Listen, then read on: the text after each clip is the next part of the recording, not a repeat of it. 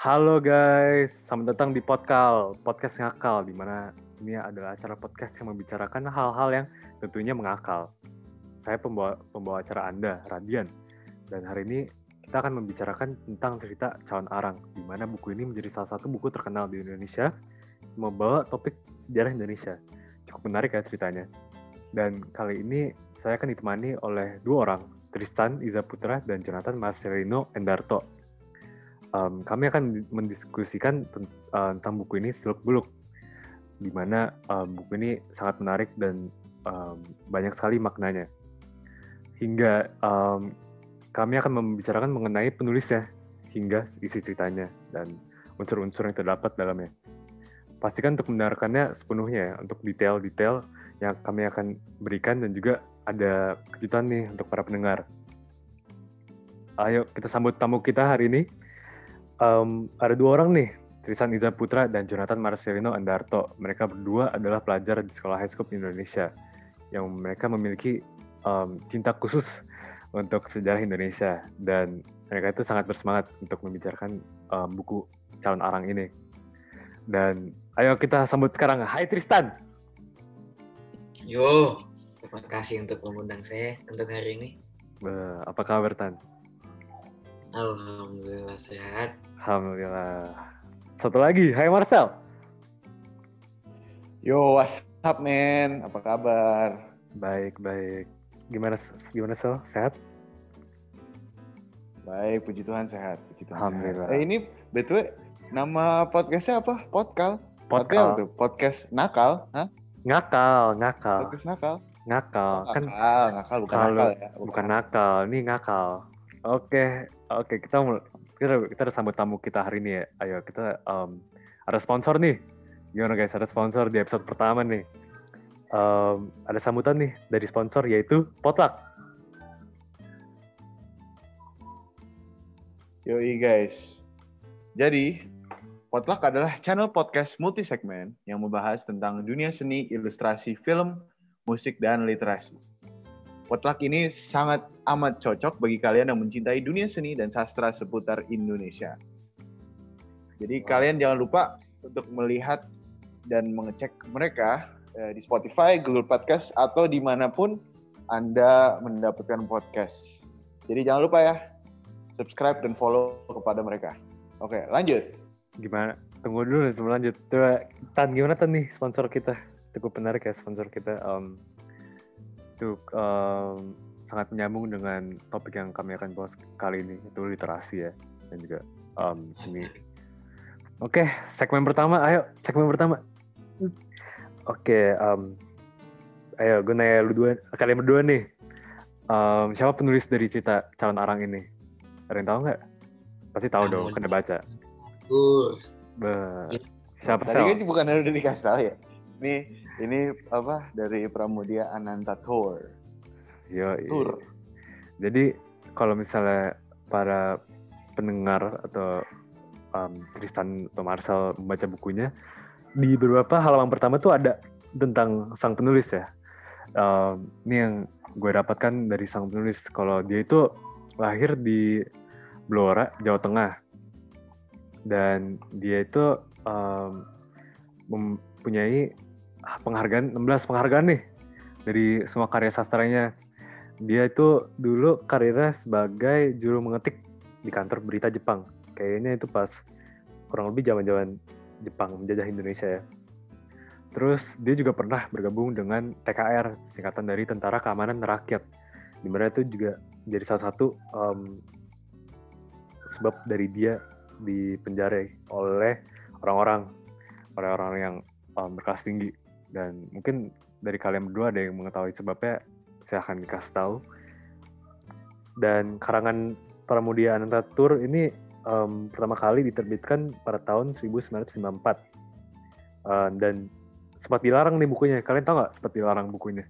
Sempat di kayak di postpone gitu bukan di postpone sih. Kenapa ditahan bukunya. Um, Wah, baru tahu tuh. baru tahu ya. Um, kurang lebih bukunya itu dikarenakan um, bukan kontroversi ya lebih kayak um, karena dia sendiri gitu dia kan mengikuti TKR ya itu juga sebab dia di penjara. Mungkin karena dia di penjara, um, jadi hasil-hasilnya ditahan, ditahan gitu, di, jadi um, bahan-bahan suspek ataupun dicek. Nanti um, kita gali lebih lanjut ya mengenai itu. Dan namun bukunya diterbitkan kembali tahun 1999. Untung bukunya terbitin lagi ya. Um, lumayan bagus nih bukunya. Menurut kalian gimana? Kalau menurut saya tentang Pramudia Anantatur, setelah membaca karya-karya sebelumnya, yang saya lihat itu Pramudia Anantatur itu biasa menggunakan gaya bahasa retoris seperti aliterasi, apostrof, elipsis, litotes, pleonasme, pertanyaan retoris, silapsis, dan zeugma, hiperbola, dan uh, paradoks. Lalu uh, di karya sebelumnya itu di dal apa novel namanya Jejak Langkah karya Pramudia Anantatur sendiri ditemukan gaya bahasa retoris banyak sembilan jenis gaya bahasa yaitu sama kayak tadi lah iya gue juga gue saya juga kan um, yang sama tuh tentang gaya pembahasannya terus um, apa yang dapatkan dari cerita sebelumnya itu juga sama um, kalau saya nama bukunya Bumi Manusia ya yang main terkenal itu kan satu lagi yaitu um, kurang lebih cara pembawaan itu sama um, menggunakan penulisan retoris dan banyak um, hiperbolanya dan juga litotes. Kalau Marcel gimana sel? Apa yang kalian dapat dia lu anda dapatkan? Ya, kalau menurut saya sih uh, Pramudia Anantatur ini dia hidup hidup yang sangat berkesan ya. Soalnya dia tuh uh, seperti yang sudah dijelaskan tadi kan sudah mengeluarkan banyak novel, banyak karya, ya kan yang mempunyai menurut saya sih mempunyai impact uh, besar ya, dampak besar ya kepada uh, I think generasi-generasi setelah Pramudia. Kenapa? Gara-gara walaupun Pramudia sekarang almarhum Pramudia sudah meninggal, dia karya-karyanya sampai sekarang masih dibaca dan orang-orang sampai sekarang pun masih kagum akan uh, tulisan-tulisan dia. Dan I think uh, kita juga bisa ambil dari hidup dia, yaitu dia berani untuk berbeda. Dalam arti dia berani untuk melawan uh, gimana ya? Melawan orang-orang yang dia tidak sukai maksudnya seperti orang-orang Belanda yang dipertanyakan oleh dia dan dan gimana ya kita juga I think sebagai generasi muda harus juga berani untuk maju op, apa memajukan opini-opini kita apa yang kita rasakan dan melawan juga hal-hal yang kita tidak setujui mau dari pemerintah dari teman-teman kita Betul. tapi Semoga semoga sih jangan dari keluarga sendiri ya. uh, mungkin um, selalu melangkah maju ya walaupun ada hambatan tuh pasti selalu dia itu kan juga di penjara ya um, walaupun di penjara um, dengar-dengar waktu baca um, gak lebih lanjut ter mengenai uh, almarhum dia walaupun di penjara itu masih nulis karya gitu masih mempunyai sebuah motivasi hmm. untuk selalu membuat atau selalu um, membuat suatu hal yang baru itu dan juga meluaskan pikiran dia. Nah, kalau menurut Tristan gimana Tristan? Ya sama kita tadi lah. Intinya walaupun ada hambatan tetap maju ya.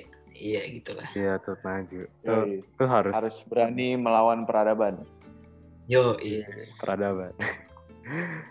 Oke, jadi um, ada taman untuk sang penulis ini uh, legendaris ya penulisnya. Bukunya juga sabi-sabi banget. Kalau menurut kalian um, bukunya ini tentang, tentang apa sih bukunya sebelum membaca nih? Kan um, sebelum baca pasti kita ngeliat sampulnya dan juga um, apa namanya? Foto lampiran depan itu menurut kalian tentang apa sih bukunya? Ya kalau misalnya kita ambil dari cover bukunya sama judulnya sih, pasti orang-orang ngira nih uh, buku uh, gimana ya karya kayak folktale folktale gitu lah. Apa oh, bahasa Indonesia? Cerpen ya? Eh dongeng dongeng. Dongeng ya betul iya, dongeng. Ya, dongeng. Kalau menurut saya, itu kan di sampulnya ada cewek ya, Ada perempuan, iya. Benar-benar. perempuan, iya. Saya kira itu bukan karakter siapa-siapa gitu, figuran aja biasa. Ternyata, ternyata. Ibu rumah tangga aja biasa, gitu lah. Iya. Hmm. Terus Berarti ternyata, itu siapa? Itu siapa, Tan? Tristan orangnya nggak nggak apa nggak per- berperan besar gitu ya di di, Iya. di cerita ini. Hanya thumbnail ya, hanya thumbnail. Kalau sinopsis gimana sinopsis? Kalau sinopsis sih, um, waktu pas baca nggak baca sinopsisnya, langsung sikat aja langsung, up, langsung buka. Sayangnya kayak em, jarang gitu buku baca buku lama. Oke, Em, ada yang mau ditambahin tentang em, sang legendaris Pramudia Anantatur? Ada nggak, Tan? So, Lanjut aja lanjut. lanjut. Ya udah, kita ada, jadi kita ada bahas mengenai em, tadi sang penulis Pramudia Anantatur. Em, kalian juga bisa em, cek karya-karyanya dan juga salah satu dari yang akan kami bahas yaitu Calon Arang. Di em, online pasti ada dan juga secara fisik juga pasti ada. Tapi mungkin online ya lebih enak online dulu ya. Oke ayo kita mari mari mari. Mari ke uh, segmen berikutnya yaitu mengenai isi cerita.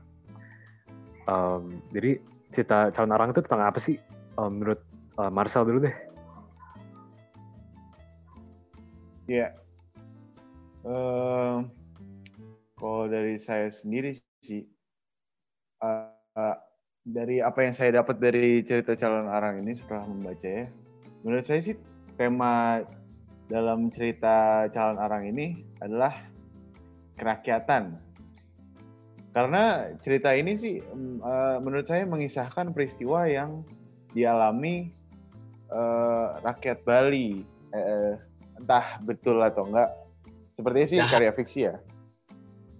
Ya, Ini dah ya? Eh, dah ya iya dah ya. Dahan. Soalnya kan, eh, oh iya, ngomong eh, orang-orang rakyat Daha, kan di sini kalau nggak salah salah satu di dalam cerita ini kan salah satu latar ya, latar tempatnya kan ada tuh di Candi Durga ya dan Kerajaan Daha.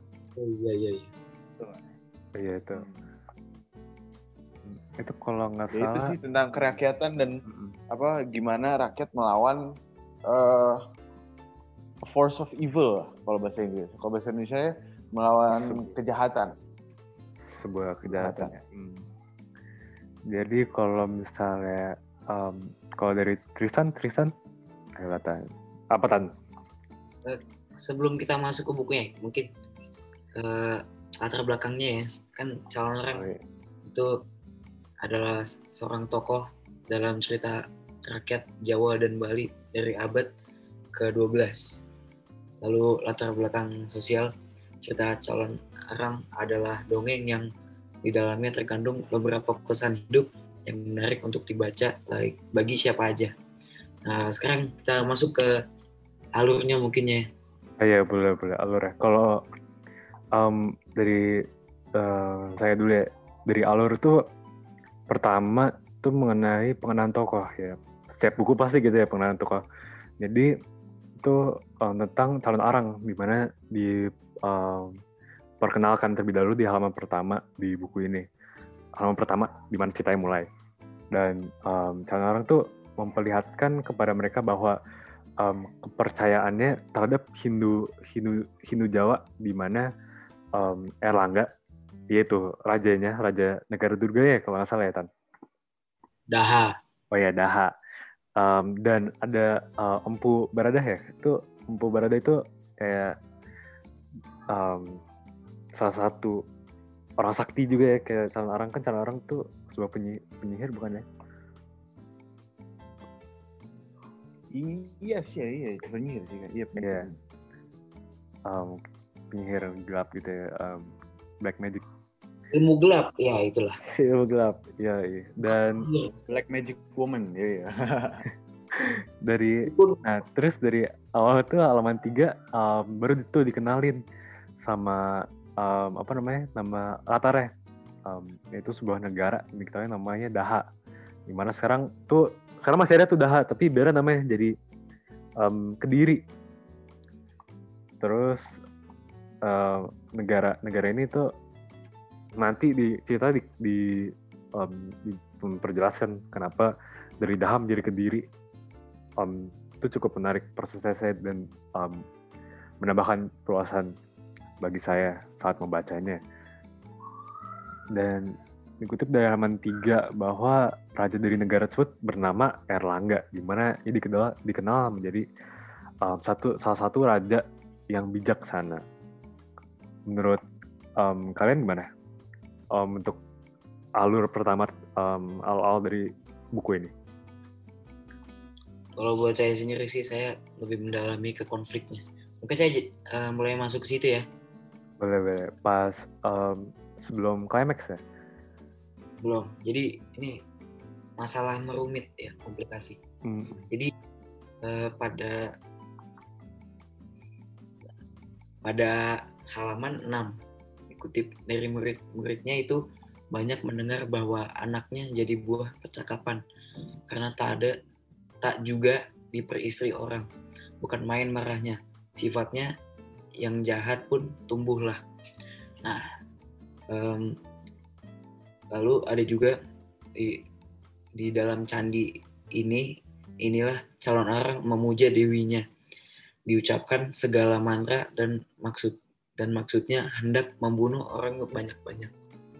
Eh, dapat dari dapat dilihat dari kedua kutipan tersebut eh, bagaimana amarah calon arang membuat melak- membuatnya melakukan sesuatu suatu tindakan yang kelak menjadi sebuah konflik dalam cerita.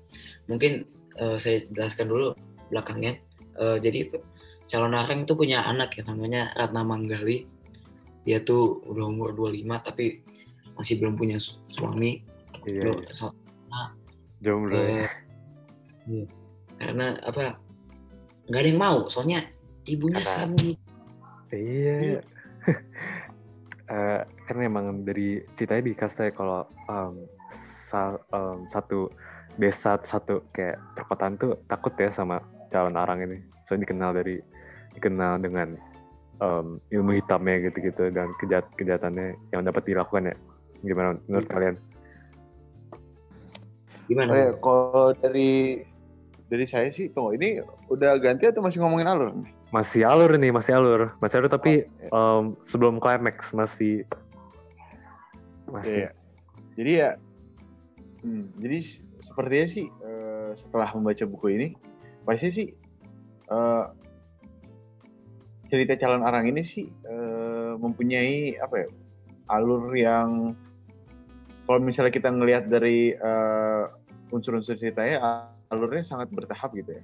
Maksudnya, soalnya kan pasti awalnya itu adalah eh, tahap pengenalan, situ pengenalan eh, latar dan juga karakter-karakter. Soalnya seperti ini nih di eh, page pertama ada kutipan. Ah, ya, ini. Jadi eh, di halaman pertama ada kutipan adalah sebuah negara, Daha namanya. Daha yang dahulu itu kini bernama Kediri. Negara itu berpenduduk banyak dan rata-rata penduduk makmur. Panen pak tani selalu baik karena tanaman jarang diganggu hama. Tiap-tiap sore anak-anak muda berlatih keprajuritan di alun-alun. Nah sampai sini aja dulu. Nah ini kalau misalnya kita membicarakan uh, soal teknik penulis, penulisan buku, kan kalau nulis novel uh, ada yang, yang namanya hook, yaitu kata-kata pertama uh, di sebuah novel. Dan menurut saya ini adalah contoh sangat amat baik uh, untuk hook yang yang apa ya, yang tertera dan dan bagus gitu. Soalnya namanya hook kan kita mau memancing eh, apa pembaca kan.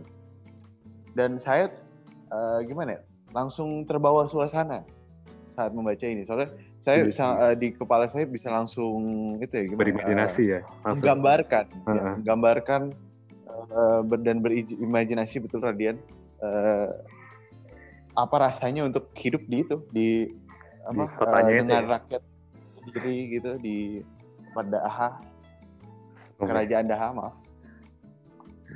Hmm. Sama em, menurut saya ceritanya em, cukup menarik. Berbe- berbeda sangat berbeda dengan buku-buku yang pernah saya baca Em, walaupun jumlahnya belum banyak. Tapi em, saat membaca itu dari beberapa halaman pertama itu sudah ditunjukkan em, beberapa konflik gitu. Um, ketika lagi ngomongin konflik ini em, bukan konflik secara keseluruhan cerita tapi em, melainkan konflik secara internal ataupun antar tokoh lainnya. Um, di mana um, ada antara konflik orang-orang desa dengan calon arang di mana kutipan dari um, bagian calon arang itu halaman 5 itu kalau um, ini um, sepertinya ucapan dari para para orang-orang desa bahwa dikutip dari halaman 5 calon arang ini memang buruk kelakuannya dia senang um, menganiaya um, sama manusia, membunuh dan juga merampas dan menyakiti. Di mana um, ini juga merupakan menunjukkan bahwa um, konflik secara calon arang dengan warga-warga sekitar. Dan menurut Titan gimana menurut Tristan? Tentang ini ya emang kejam ya. Emang kejam ya dari awal tuh tunjukin kok orangnya kejam banget. Iya. Eh, lalu interaksi antar tokoh yang lain tuh eh kalau Narang dan Ratna Manggalinya. Oh, Iya itu Eh. kalau itu eh, kasih sayang ya le- lebih ke kasih sayang soalnya em, gimana ya dia dengan anaknya itu ya keluarga Hmm. gitu ya keluarga ya kasih sayang Ya pasti lah. pasti Mm, Ibu pasti namanya namanya ibu kan ya pasti harus Namanya kasih ibu. sayang dengan anak-anaknya. ya walaupun Mau ya, dengan jahat. cara yang baik atau yang buruk. pasti Iya. eh, dan em, kebetulan cara calon arang ini menunjukkan em, sebuah em, apa untuk kedendaman dia dan juga kayak kasih sayang ya kurang lebih ya itu dia em, itu rasanya salah tapi em, ya dari mana apa gimana lagi kan dia mau menunjukkan kan tiap orang mempunyai cara berbeda kan em, mengasih em, tanda cinta terhadap keluarga Iya. Tapi Ya. dari situ bisa tahu kalau calon Narang tuh eh, bisa rela melakukan apa saja demi keluarganya. kasih sayang ibu terhadap anak Iya. Nah iya. Eh, eh, saya juga mau nanya nih kepada kalian ya. Menurut menurut kalian kan walaupun iya apa di cerita calon arang ini eh Pramudia Anantatur menuliskan eh, bahwa si calon arang ini apa adalah eh, karakter antagonis yang yang bersifat buruk. Tapi menurut kalian apakah eh, hal-hal yang dia lakukan demi anaknya itu suatu yang baik atau suatu hal yang buruk terlepas dari eh, kebu maksudnya ke- terlepas dari kejahatannya. Eh, ngerti. Em, mungkin kalau dari em, tuh bukan seimbang sih lebih kayak ada dua-duanya gitu. Ada jatuh juga baik. Kalau dari perspektif calon arang ya dia itu melakukan hal yang terbaik untuk anaknya pada saat itu. Dan kalau dalam em, dari segi em, yang tidak baik atau jahat itu mungkin dari orang lain di desa dan juga pun sifatnya yang rela sekali manggil Dewi Durga ya itu nanti Dewi Durga dipanggil untuk membuat sebuah wabah di desanya. Trisan gimana Trisan? Ya wabah wabah itu bisa disambungkan dengan sekarang ini ya masa ini. Oh iya Virus. tentu tentu. Mungkin dari segmen berikut ya itu ya. Oh iya iya. Masuk ke situ ke berikutnya. Sekarang Iya. kita lanjut. Oke, bangkitnya. sekarang di tengah cerita di mana konfliknya mulai ini ya. Tadi um, nyambung dengan topik perbincangan tadi yang saya bawakan bahwa dia memanggil Dewi Durga. Itu terlihat di um, di halaman 7 di mana um, ada sebuah um, penyerangan antar dialog um, serangan-serangan dialog selalu ada dialog antar calon arang dengan Dewi Durga di mana um, calon arang ini memanggil um, Dewi Durga di candi. Um, dan tidak lama kemudian itu dewinya datang um, karena dipuja-puja oleh calon arang. Dan dikutip dari um, halaman 7 bahwa ada sebuah dialog calon arang anakku kata sang dewi apakah maksudmu memanggil daku? Dan um, calon arang menjawab izinkanlah hambamu memohon kasih dari panduka dewi. Dan um, kata katanya dia lagi katakan maksudmu anakku. Ya panduka dewi berilah hamba izin untuk membangkitkan penyakit untuk menupas orang banyak banyakan. Di mana um, itu menyambung um, maksudnya dia itu orang-orang di desa yang um, tidak mau men, um, rela menjadi suami untuk anaknya. Dan um, Dewi pun menerima mohonnya dan sehingga dimunculkanlah sebuah penyakit. Dan calon orang meminta untuk um, uh, apa diberikan izin. Tetapi tak kuizinkan untuk uh, engkau meratakan penyakit hingga ke dalam ibu kota. Um, itu kutipan di halaman 7 juga. Um, menurut kalian gimana?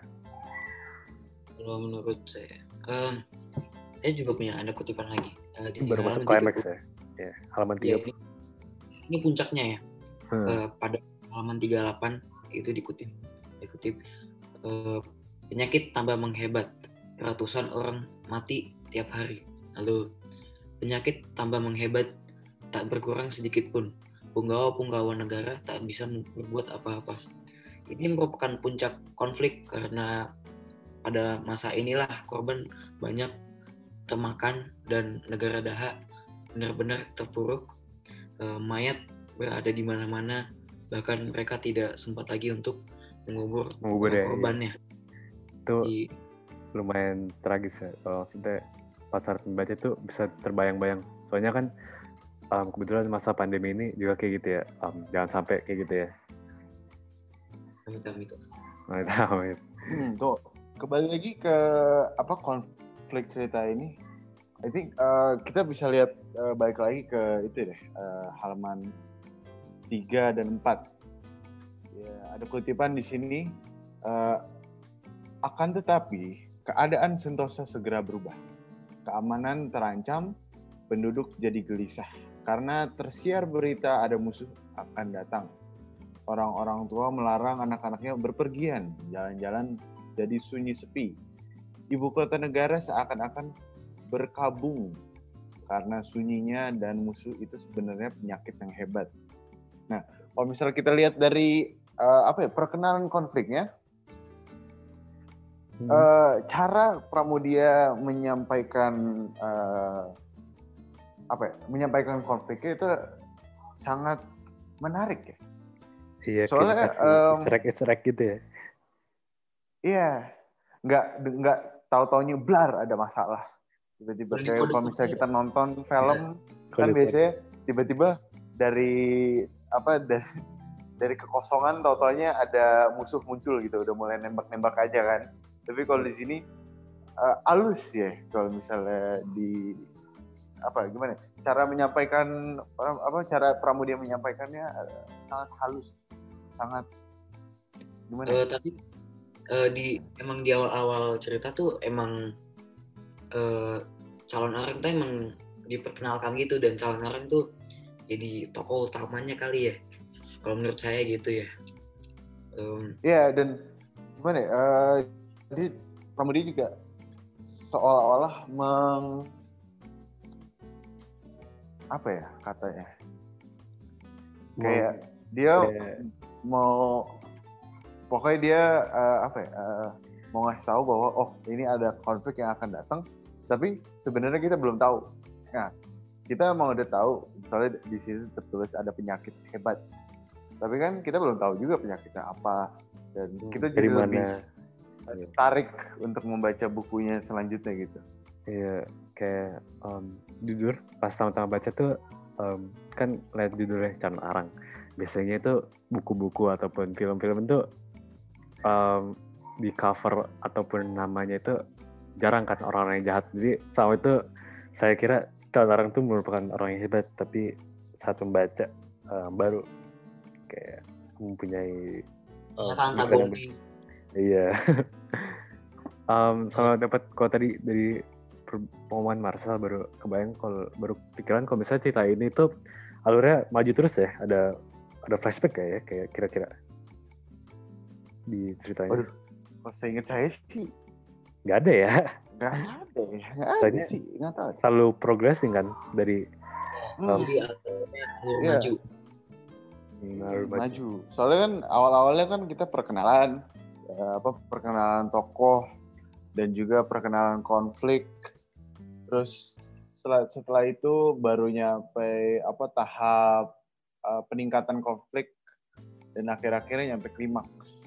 Oh, iya. Dan itu ya bertahap gitu ya, nggak nggak ada yang maju mundur gimana gitu nggak ada sih sepertinya seperti itu nggak ada. Saya ingat saya sih nggak ada. Oke, em, mungkin udah ya buat tengah tuh udah cukup udah cukup em, padat banget ya buat tengah. Tapi Ya, itu kita mulai entah eh, ya kenapa ada tambahan apa? entah ya entah antara entah apa antara dari kita ada yang salah. Eh, pemirsa dipersilahkan untuk Untuk cek eh, sendiri, apa ya? Cek Cek sendiri, betul. cek cek sendiri sehingga Nah, bukunya. em, gimana ya? Mending tuh Ya. em, podcastnya sambil baca gitu bareng sama kita. Hmm. ya kami berharap mungkin bagi anda yang belum ba- membaca buku ini cerita calon arang, calon arang, eh, anda jadi lebih tertarik gitu. Pemirsa jadi lebih tertarik eh, akan membaca buku ini. Soalnya menurut saya eh, hasil karya Pramudia Anantatur adalah suatu hal yang ketertarikannya tidak akan hilang sepanjang masa menurut saya. Dan kayak gitu kita ya, dapat belajar banyak hal dari karya-karya dia. Eh, tidak hanya dari sisi eh, cara menulis novel atau cara menulis karya sastra yang sangat menghibur dan sangat berkesan juga. Kita juga bisa, I think, mengambil beberapa amanat-amanatnya yang dari buku, dari hasil karya eh, almarhum dan mengimplementasikannya kepada hidup kita sendiri gitu. Iya. Tapi itu mungkin untuk segmen selanjutnya ya. Iya, segmen Tadi ya. selanjutnya. Oke, em, bagian akhir cerita singkat aja nih kayak akhir cerita em, emang kan karena ada wabah ini em, raja em, menyuruh beberapa kayak prajurit khusus ya untuk em, mengalahkan calon arang di mana em, pada saat klimaks ini menurun tuh diberitahu bahwa warga-warga ini tahu kalau misalnya adain wabah ini tuh calon arang. Jadi raja mengirim prajurit tetapi nggak bisa nih jadi harus em, harus yang harus yang lebih jago nih em, empu baradah empu kayak em, orang sakti gitu ya Em, dia dapat mengalahkan calon arang dan menghentikan wabah di wabah atau penyakit yang ada di kota ini atau desa atau kerajaan ini dan em, salah satu em, sebuah moral ya, atau amanat itu memberikan seseorang kesempatan yang Eh, kedua. sabar. Gimana gimana? ke amanat dulu. Nah, nih. Oh iya. Apa karena sekarang kita kan lagi membicarakan akhir dari ceritanya ya atau ah- apa eh, Penurunan klimaks Eh, ya, mulai apa? ending. ya penurunan klimaks. Ya, ya, yang apa mengakhirkan apa yang akhirnya akan menjadi resolusi. Eh, I think di halaman terakhir eh bukan terakhir sih di halaman 68 eh buat ya penurunan konflik ya ini bagian halaman 68 ya. Ada ini kutipan. Eh, Anak-anak kecil eh, senang kembali bermain di alun-alun atau padang rumput sambil mengembalkan binatang. Tak ada seorang pun yang merasa takut-takutan. Calon arang telah tiada lagi, penyakit tak lagi sebanyak dahulu. Sedikit benar orang yang meninggal. Kebanyakan mati ialah karena sudah tua. Nah, kalau dari sini kan pasti eh, ceritanya walaupun belum selesai, tapi konfliknya sudah turun lah. Soalnya kan calon arang sudah kalah, terkalahkan sudah tiada lagi. Kalau Kalau misal dari eh, ending ini, kenapa Tristan? menurut saya itu itu itu udah ending sebenarnya. Tapi sebelum masuk situ ya kan Yang dari konflik kan, bukan yang dari buku ya. Kan bukunya kan panjangnya kan 81 halaman apa? Dan itu kan setelah, kalau nggak salah setelah kutipan itu persis langsung lanjut ke ada bab selanjutnya itu bab itu XII berapa tuh? Iya. Bab 12 ya? Jadi di akhir ceritanya kan tadi udah dibilang sama Radian eh, dengan segala apa dengan segala upayanya Raja Erlangga selalu gagal. Empu Baradah membantu menghentikan calon Arang dengan cara melawannya. Akhirnya mereka berdua tuh bertemu calon Arang dan Empu Baradah di apa di dalam bukunya dijelaskan calon Arang tuh mengeluarkan api dari tubuhnya dan bakar Empu Baradah. Tetapi tidak mempan bagi Empu Baradah. Nah, dan di saat itu juga calon Arang eh, mati karena mengeluarkan api dari tubuhnya. Lalu eh, Empu Baradah menghidupi kembali calon Arang untuk memberi calon Arang kesempatan kedua untuk memperbaiki dirinya agar mati dengan kesucian. Kalau menurut kalian gimana? Itu contoh yang baik pasti kan? Maksudnya dalam rangka apa nih contoh baik? Kan Tuh. membunuh orang kan pasti tidak baik dong. Bukan, ini nih Empu Barada kan diceritanya eh, apa calon arangnya itu karena keluarkan api dari tubuhnya tuh dia mati. Empu Barada tuh bukan yang membunuhnya, tapi Empu Barada tuh menghidupi kembali calon kembali- oh ya untuk em, karena menurut em, menurut dia itu kematian dalam keadaan tidak suci itu em, gimana ya sia-sia gitu hidup di dunia. Tapi em, saat meninggal tuh keadaan dalam em, banyak dosa gitu-gitu. Ya em, terus di- Itu bisa di depan ini nih, halaman 65. ya, Mati adalah gampang calon arang, tetapi mati itu tidak berguna kalau tidak membawa kesucian. Baiklah, kesu- baiklah kusucikan jiwamu dahulu. yoi, itu Itu pastinya aksi yang baik kah dari apa Empu Barada? hmm, itu menjadi Soalnya kan, tadi ya. Ia menampilkan eh, rasa kasih sayangnya ter- ter- terhadap musuhnya dia bahkan. Eh, karena dia apa ya?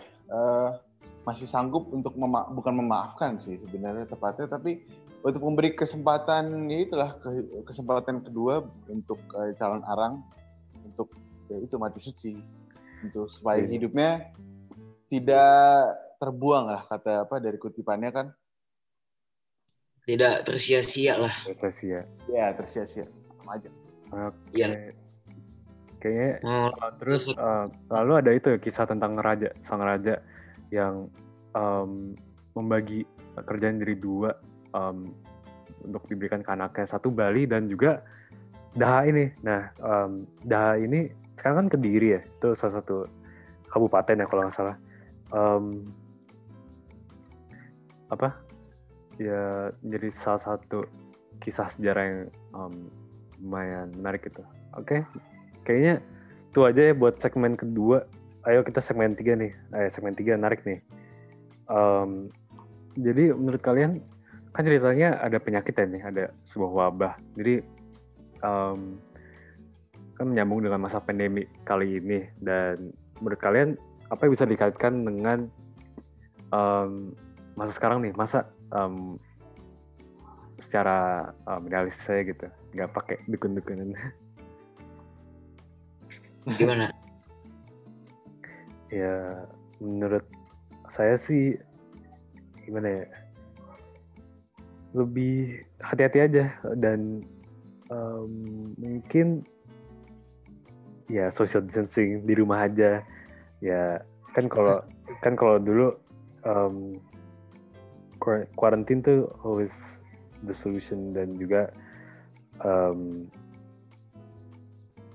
untuk apa yang bisa diambil dari cerita ini melainkan masa pandemi juga bisa bahwa apa pun yang di, ingin dilakukan misalnya kayak dendam sama orang tuh gak usah dilakuin mending ngomong aja gitu secara langsung dan konsultasi ya. Soalnya um, kedendaman belum tentu menyelesaikan masalah em, malah menimbulkan baik lagi. Pasti tentunya dalam masa masa kita sekarang masa pandemi ini ya, ya betul kita harus berhati-hati tapi eh, kalau hal yang saya dapat dari apa cerita calon arang ini walaupun eh, gimana ya? Walaupun rakyat terkena eh, ini wabah dan penyakit yang sangat amat apa ya jahat lah dari calon orang, tapi eh, kita bisa belajar dari Empu Barada untuk tetap apa teguh ya, untuk berani maju dan berani melawan kejahatan gitu. Dan Kan kita selalu harus maju. kuat juga, harus kuat, ya harus kuat dan jangan menyerah gitu loh. Walaupun iya betul apa eh, mungkin sekarang zaman zaman ini apa bukan zaman ini sih tapi masa ini karena ada corona kita mungkin merasa ya bagi eh, pemirsa yang mungkin eh, jomblo ya maaf ataupun bagi kalian mungkin hidup sendiri atau ngekos sendiri ya bagi iya betul. Bagi pemirsa-pemirsa yang mungkin hidup ngekos atau eh, apa ya lagi kuliah terus ngekos sendiri. Ya mungkin kan sepi. Tapi ingat eh, Indonesia tuh sangat luas. Pasti eh, anda dapat menemukan suatu teman yang akan membantu ya. eh apa membantu memen- memen- memen- menemani ya menemani anda selama masa pandemi ini pasti eh, doa juga untuk pandemi ini tetap eh bukan tetap sih jangan tetap ya maksudnya tetap pandemi lah. ini agar agar ya agar dari jangan dunia ini. menetap lah jangan menetap dan cepat hilang lah cepat cepat Iya, hangus Cepat, cepat hangus. Iya. kalau Tristan dari Tristan gimana Kalau dari saya, eh, kan di masa pandemi ini itu kita waktu kalau menurut saya itu waktu di mana kita bisa mengevaluasi diri apa Wah, yang kita lakukan kita bisa Hmm. masih. Nah, kalau dari cerita calon arangnya sendiri, eh, ada amanat eh, itu agama itu sangat penting ya. Iya. Agama itu sangat penting karena agama itu mengarahkan kita ke jalan yang benar dengan cara yang baik.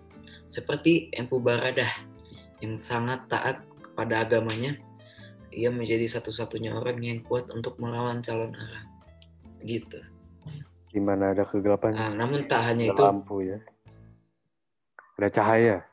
iya, tak hanya Kelihatan. itu, Iya. tak hanya itu eh, di masa karantina ini kita tuh bisa mempererat eh, hubungan kita dengan keluarga. Ya, Keluarga itu jangan lupa sangat penting karena social keluarga distancing. memberikan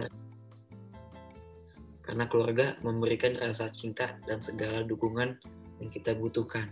Seperti calon arang misalkan bencana mencintai anaknya bernama Gali ia begitu cinta dengannya hingga ia mengorbankan banyak orang orang deminya. Walaupun itu contoh yang tidak baik tapi dari situlah eh, kita tahu bahwa calon arang tuh sangat sayang kepada anaknya. Iya, Oke. walaupun walaupun apa aksi-aksi calon arang mungkin jahat ya, tapi menurut saya intensi dan eh, Apa makna akan yang ingatkan kelakuan baik itu sangat sangat sangat kuat. Iya, niatnya baik sebenarnya. Niatnya baik. Soalnya kan Dari perspektif dia itu hanya baik. ingin up yang terbaik. Hmm, Dia enggak dia apa meminta apa hanya ingin hal yang terbaik bagi, bagi anaknya ya. Dan I think itu adalah suatu hal yang mungkin kita juga bisa am- ambil ya. Bagi pemirsa yang sudah mungkin punya anak eh, kalian juga pasti sudah merasakan yang namanya pengorbanan diri lah. Ap- yaitu mungkin banding tulang di ke- pekerjaan kalian eh, demi anak anda. Tapi yang pasti ya pengorbanan adalah suatu hal yang identik dengan apa mempunyai anak. Dan I think eh, semua apa ya semua orang tua harus ha- harus bisa lah dan harus harus mau gara-gara itu adalah suatu kewajiban sebagai ya, orang tua kalian harus melakukan eh, pengorbanan eh, demi kebaikan anak anda begitu lah sih. Hmm, ya. Oke, kayaknya itu saja dari tiga segmen di podcast pod, podkal kali ini ya, podcast ngakal. Em, jadi secara keseluruhan, menurut kalian tuh gimana ceritanya? Em, Satu sampai sepuluh deh berapa? wah Hmm. kalau nyampe 10 sih kalau bisa 11 sih Soalnya eh, yang baik dari cerita ini ya sebenarnya eh, saya karena nggak biasa membaca ber, apa membaca novel yang panjang atau enggak membaca novel secara general sih juga jarang sih saya. Sejujurnya. Tapi, Tapi buku ini Iya, tuh tapi- termasuk pendek Apa? juga ya 80 halaman. Iya itu baru ya saya mau bilang apa eh, bukunya kan gara-gara apa bukunya itu hanya 81 halaman eh, jadi lebih eh, gimana ya walaupun eh, mungkin bagi anda yang sering membaca novel terlihat pendek tapi bagi saya eh, justru eh, kependekan itu jadi membuat saya lebih nikmat gitu loh. soalnya saya nggak eh, nggak bosan gitu Iya. saat membaca buku ini selama dari apa halaman pertama hingga halaman terakhir selalu seru gitu gara-gara eh, apa eh, karena pendek Oke. em, sebelum kita ke outro, bakal ada jeda sedikit.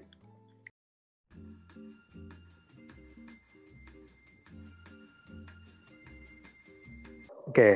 em, jadi em, tentu saja em, kita akan melanjutkan podcast ini dengan tamu-tamu yang lain. Em, Titan Titan udah belum deh Tristan Tristan, opini udah dia tadi. soal Eh berapa tan? Eh belum ya, belum. Iya tan, ayo tan. Roman Belum tan, ayo tan. Berapa tan? Apa? 1 sampai 10 berapa tan? 1 sampai 10? dari 1 sampai 10 10 sih. Enggak. eh, dari mulai dari ya, akhirnya pesannya hingga sampai gaya bahasanya. Gaya Hmm, bahasanya menurut saya itu paling apa, sangat mudah untuk dimengerti ya. kunci. Em, kalau Iya. saya sih 9,5 ya. Em, soalnya ceritanya lumayan gelap dan em, bagi permisa yang di bawah umur sarankan baca dengan orang tua. Butuh penjagaan em, PNG. Eh PNG, PG, PG-13. Oke, jadi uh, PNG foto. foto ya. Jadi oke outro, Oh ya sekarang baru outro. Um, minggu depan kami akan kami akan terus menemani anda di podcast podcast ngakal bukan nakal lain uh, tentang karya Pramudia Anantatur yang lain yaitu Bumi Manusia. Ah, lumayan terkenal nih. Hmm, bukunya apa nih oh bumi manusia Iya, terus um, selalu ikuti bers- keseruan dengan kami. Terima kasih sekali lagi untuk Marcel dan Tristan. Ayo guys, tepuk tangan. oh dan jangan lupa terima kasih atas sponsor kami Oh iya, Potluck. sponsor. Dan Potluck. ini Tristan kini akan menjelaskan ya suka apa eh, sponsor terima kasih banyak atas sponsor kami untuk sudah apa bisa apa membantu podcast ini dan mungkin juga eh, membantu mendanai ini giveaway yang akan dijelaskan oleh Tristan Yes. Iza Putra. Take it Tapi- away. Tapi tunggu dulu dong, Oh. sebelum tunggu tak, sebelum itu. Jika kalian ingin tahu lebih lanjut, itu join channel Discord kita ya, Discord. Ada juga YouTube um, untuk mengetahui Marcel dan Tristan juga ada sosial media mereka juga. Um, dan ayo Tan, silakan Tan, silakan, silakan, silakan. Nantator. Buh. Jadi eh, untuk ikut giveaway ini kalian wajib join Discord kami di, di kolom deskripsi dan juga kalian jangan lupa share dan stay tune untuk konten menarik lainnya. Eh, untuk komen yang paling bagus, kalian akan mendapat kesempatan emas untuk menang giveaway ini. Pemenang akan diundi pada minggu depan di podcast kita selanjutnya. Jadi jangan lupa untuk subscribe, tekan tombol lonceng agar kalian bisa update setiap podcast kami. Lanjut. Dan guys, please Um, saya komentarnya di ingin kalian Discord. untuk apa ya saya ingin kalian untuk membaca buku ini cerita calon arang So- soalnya buku ini bermakna sekali bermakna sekali Walau apa eh, dan juga sangat berhubungan ya dengan Ya. masa yang kita hidup sekarang masa wabah masa pandemi gitu. Tapi beda jadi generasi. kalau kalian ada waktu tolong apa baca bukunya karena buku ini sangat bagus dan pelajarilah eh, itu karya-karya Pramudia Anantatur seperti saya yang bilang tadi Eh, gara-gara kalian mungkin bisa dapat belajar eh, apa ya hal-hal baru mengenai hidup mengenai eh, politik mungkin mengenai karya sastra cara menulisnya dan cara menyelesaikannya Oh, bagi iya. kalian yang apa minat untuk apa menulis novel. Jadi tolong jika Anda ada waktu, waktu luang, baca novel, baca karya dari Indonesia, jangan cuma karya dari luar, baca Pramudia Anantatur dan juga ya apa ya? appreciate seni Indonesia. Indonesia. Yoi. Yoi. Cintailah produk-produk Nanti Indonesia. jika kalian ingin membaca ada PDF-nya, ada di Discord ya PDF-nya. Oke, jadi sekali lagi terima kasih untuk Tristan dan Marcel sudah menemani untuk podcast kali ini ya. Em, seru nih. Em, bakal undang lagi kayak ini ya. Undang lagi nggak ya? Undang lagi nggak? Lagi dong. Undang. Dong. Kak, Oke, terima kasih. kamu baru juga dong kalau bisa. Oh iya, Us, tamu us. baru. Oke, terima kasih juga untuk Tristan dan Marcel sekali lagi. Dan juga pemirsa sudah mendengarkan dari awal sampai akhir. Dan stay tune di podcast, podcast ngakal, acara yang membicarakan hal-hal yang mengakal selanjutnya. Bye-bye. Oh iya, terima kasih.